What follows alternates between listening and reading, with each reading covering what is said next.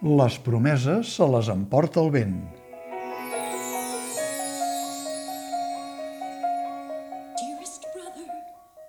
La història recula fins al 1952 i, des d'aleshores, fent salts en els anys, arriba al 1990 amb un punt intermedi, el 1971, que marca una mena de divisió de la trama en dues, que, finalment, es troben.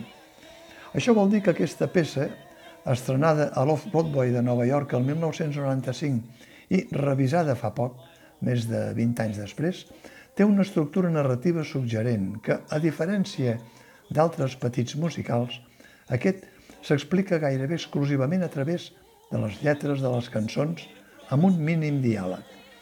Això exigeix que els dos intèrprets protagonistes tinguin la capacitat vocal que els permeti enfrontar-se als diversos registres de la composició, cosa que tant l'actor i cantant Marc Pucciello com l'actriu i cantant Anna Vallaneu superen amb escreix i fan del seu duet un mini concert que té l'atractiu, a més, de mantenir els músics en directe i aconseguir així un espectacle complet.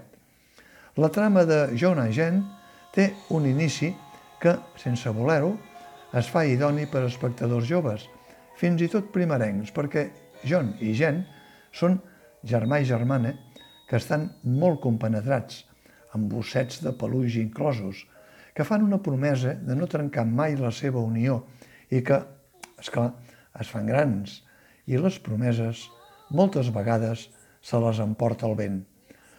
Els espectadors deduiran, doncs, que John and Jen és una obra de relacions familiars, però molt determinades entre Jen, la germana gran, i John, el petit, que arriba al bressol el 1952 i que és com una joguina per en Jen. He dit que la trama sembla que es vulgui adreçar inicialment als espectadors joves, però a manera que els dos personatges van madurant, també va madurant el fons de la història.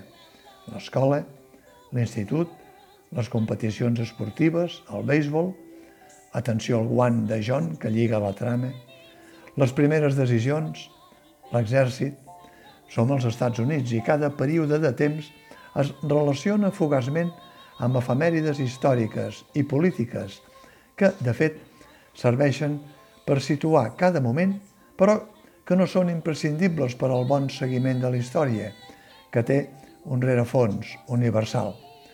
I la perla del musical és el doble salt que es fa quan Jen se'n va al Canadà i té el seu fill petit a qui posa el nom de John, cosa que propicia que, amb el pare de la criatura absent, es repeteixi la relació intensa, ara entre mare i fill, fins que, també com havia passat entre germana i germà, els anys no passen en va, i els fills creixen i volen trencar el cordó, ni que més tard, potser, s'adonin que el sol fet d'haver-lo trencat implica després intentar relligar-lo. Cal ser prudent en desvelar la sinopsi perquè el musical demana que els espectadors es facin partíceps de cadascun dels toms que fa la trama. Deixem, doncs, la sorpresa en incògnita. Marc Pocciello i Anna Valldaneu creen cadascun dels personatges i els diferents matisos d'edat que els exigeix el guió. Sobretot Marc Pocciello. Gent sempre representa que és més madura, que ha de fer el paper, ell, de les edats de més criatura, a les de preadolescent les d'adolescent i les de preadult, que ja s'afaita. Un ventall de perfils que no cau mai en la simple caricatura i que està amb credibilitat sempre al servei del llibret i les peces musicals.